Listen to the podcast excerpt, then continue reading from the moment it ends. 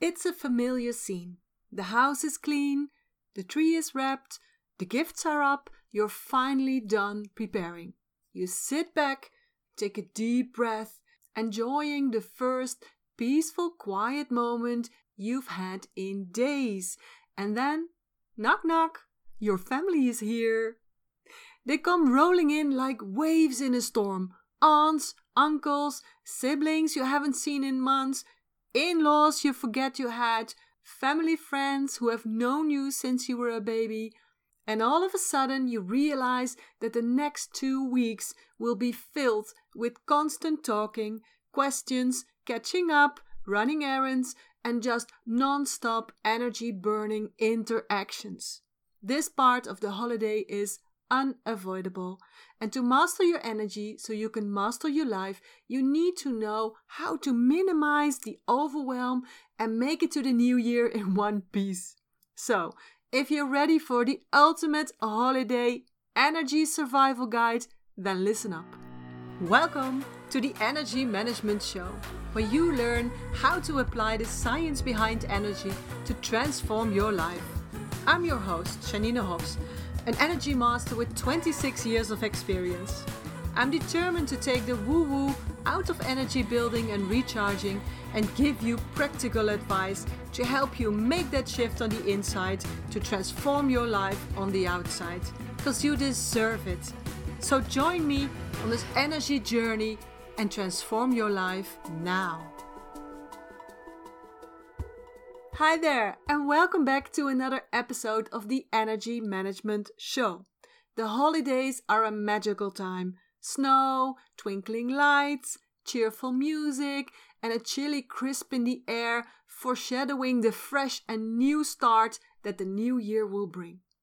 But the holidays are also a trying time, specifically the Olympics of family reunions.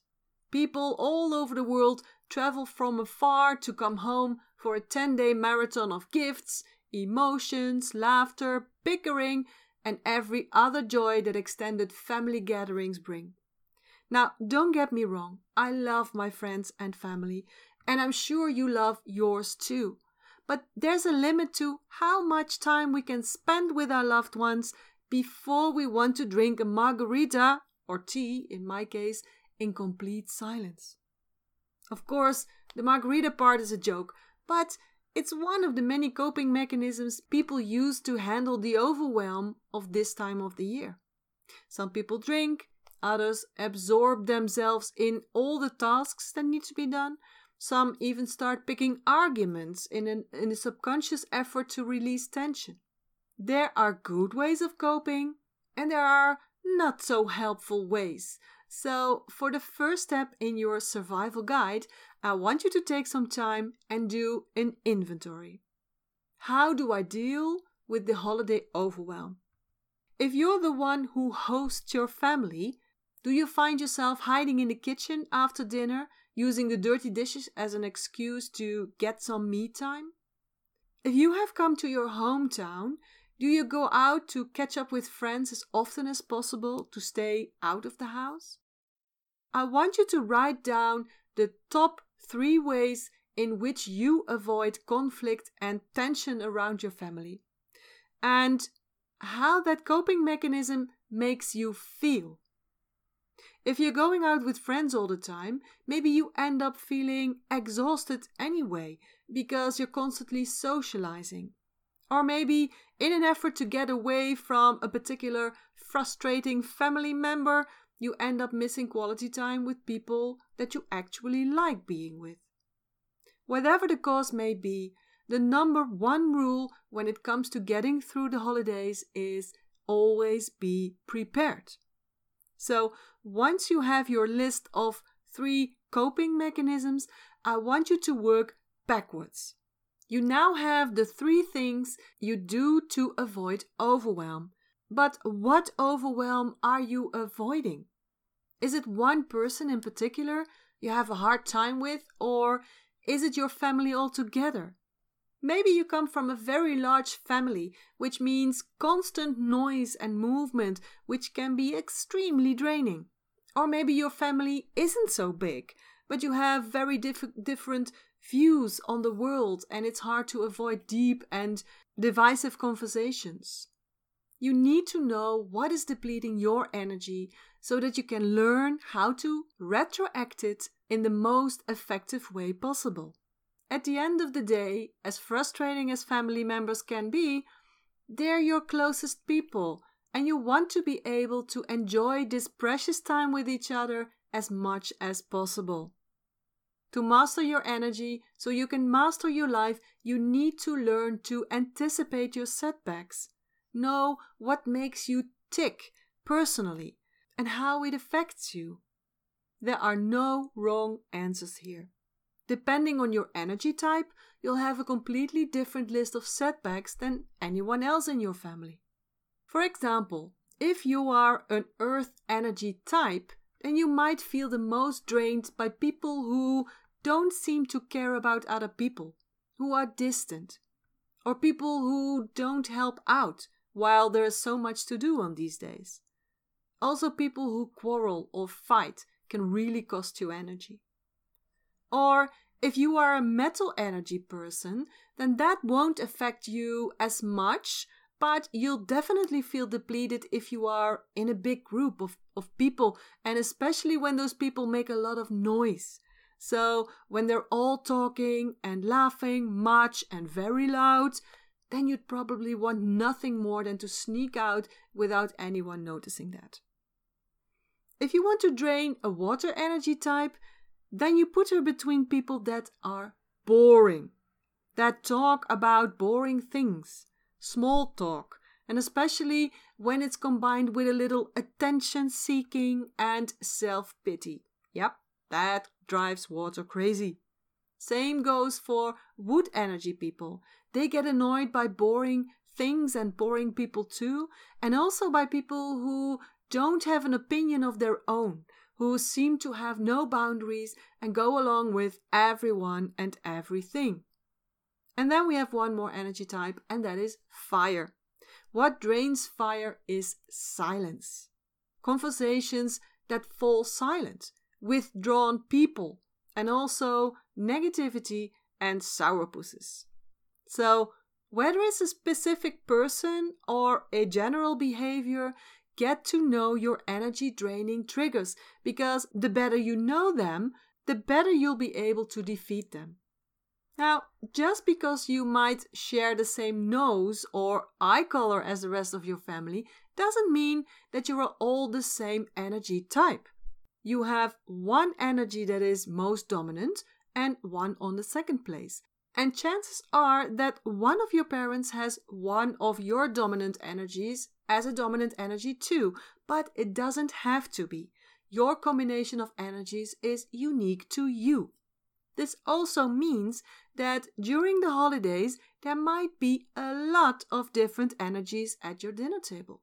In this time of eating, drinking, catching up, and discussing anything and everything that comes to mind, the energy types have a funny way of showing up at the table. Earth is your mother, who always makes sure everyone has enough to eat and to drink, that nobody is alone, and she's also the first to soothe a starting argument. She watches over everyone like a hawk, making sure that everyone is having a good time. Metal is your withdrawn cousin. You can have great conversations with her when it's just the two of you, but don't expect her to jump up totally excited when you're going to play a musical chairs game, because then she'd rather go out for a nice and quiet stroll. Water is that wise guy of a nephew. He always knows a solution for everything and also takes every problem very seriously. Sometimes he's quiet and a bit withdrawn, but he can also suddenly put on a crazy hat and start singing a song. Wood is your brother who always knows better. No matter what the topic of the conversation is, your brother has an opinion about it, and he, go- he can go very far to prove that he is right. When he is challenged, talking to him is like a contest. Fire is your always positive and very happy aunt. She's always chatting and laughing, sometimes a bit too loud, and she's always full of stories. Is the music turned on? Then your aunt will be the first to dance on the table. It's important to take note of what elements are most dominant in your family because mastering your energy to master your life isn't just about knowing your own energy, it's about understanding the energies of others. We make jokes about how crazy family time can get, but the real purpose of this holiday survival guide is for you to have a great experience with your loved ones. Whether your family is big, small, loud, quiet, or even a family that you've chosen, you deserve to celebrate in a way that is healthy for yourself and for those you hold dear. If you stay ready, you never have to get ready. One of the top things I hear from people around this time of year is by the time I started feeling the overwhelm, I was too late to do anything about it. It's a busy time. No matter how well you have prepared, there's always something else that needs to be cooked, bought, cleaned, or wrapped. That's just a part of life. The big downside of that is that once you get going, you don't stop until it's all over. So, if you don't see the overwhelm coming, by the time it hits you, you have no time or energy to do anything to counteract that. So, what do you do to make that a better experience for yourself? Well, so far you have identified your usual coping strategies and your energy draining triggers. That information is exactly what you need to create an overwhelm game plan. Let's say that one of your top energy drainers is the constant noise of having many people in one place for a long time. I know that can get me feeling exhausted very quickly. My game plan? As soon as I sense that we're about to have a, a long and, and drawn out conversation, usually sometime after dinner or during dessert, I volunteer myself to help clear the table and clean up in the, in the kitchen. It gives me an opportunity to take a break and recharge while still being a part of the evening and, and being around my family. If you need more than that to recalibrate, go for a little post dinner stroll or make yourself a nice cup of tea and move to a different room in the house or maybe to the porch. If there's someone in your family who is particularly energy draining for you, then prioritize them I know it sounds counterintuitive, but all that your family wants is to spend time with you and to be a part of your life. For example, if you have an aunt who exhausts you with conversations, sit with her early in the evening when you're still feeling strong and take some time to interact with her. And then after that, you can enjoy the rest of your night having connected with a beloved relative and, and not draining your energy further by trying to avoid them. You can also pick yourself a buddy, someone in the family who reinforces your energy and have them in a conversation with you. And remember, whatever your family dynamic, you don't have to do it alone. If you haven't already, join our Facebook group and post your favorite holiday game plans. Share your top tips with the community and learn some useful tactics for yourself. Another part of being prepared is anticipating that, yes, you will need a break or two at some point. That's completely fine to do, and you can minimize your holiday stress by planning those ahead of time. If the first three days of your holiday break are filled with dinners and reunions that have been scheduled for months, then plan something for yourself on day four. Book yourself a massage or go for a drive to a neighboring town. Even just get up in the morning and go for a long walk. Whatever it is that will regenerate some energy, set aside time to do strictly that. Not only will your time not get away from you that way, but knowing that you have something like that to look forward to will ease some of the stress of all the other events that will come before. Maybe you have a favorite cousin who you don't get to see during the year, and you really want to make sure you get some one on one time with them. Make that plan ahead of time. Set a date and stick to it. It will give you a chance to connect properly, and you'll return to your family events refreshed and re energized. All right, you've gone through it all. You did it. The dinners and the parties. You answered all the questions about your love life and career. And you just sent the last person home with the leftovers. You did it. Don't throw yourself right back into action just yet. You earned some self care. Treat yourself. The new year is about to begin, and with it, a new set of goals, expectations, and to dos. Not only did you get through this last year, but you got through the most stressful few days like a champ. Balancing your energy is about knowing when to give and when to take. You've been giving until now, so take the time to take back your energy. You could go away for a couple of days, get yourself tickets to a great show, even just clean your house and restore its tranquility in silence and in solitude. Whatever will refill your tank, take the time to do it. You deserve a great and completely stress free holiday with your family, but let's be completely honest. A totally stress free holiday? Fat chance. While everything in this survival guide will equip you with the tools to minimize the energy drain, this time of year is still tiring. Joyful things can deplete your tank too, you know. And the purpose of maintaining a balanced energy is to keep your body, your mind, and your soul healthy so you can offer your best to the people you love. If you implement the tools from today's episode into your upcoming winter break, you will see a completely different version of yourself come out. You'll feel strong, balanced, and prepared for any holiday mishap that usually looms over your head like a dark cloud.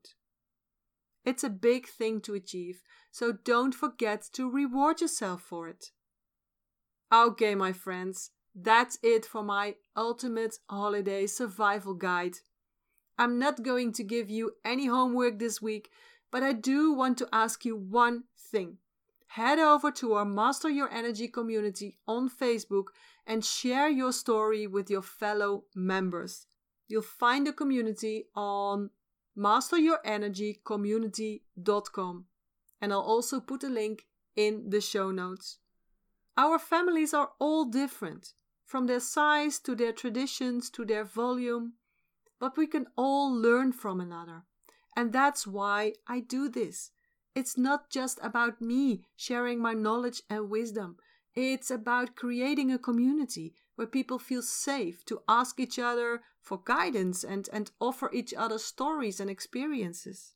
With the end of the year fast approaching, let's celebrate our victories and lift each other up for a bigger and better 2020. So, that's it for today, my friends. If you like what you heard this week or in any of my other podcast episodes, leave a review and let me know what you think. Tell me what you enjoyed, what you learned so far, and what you would like to learn more about. And I will talk to you again soon with another episode of the Energy Management Show.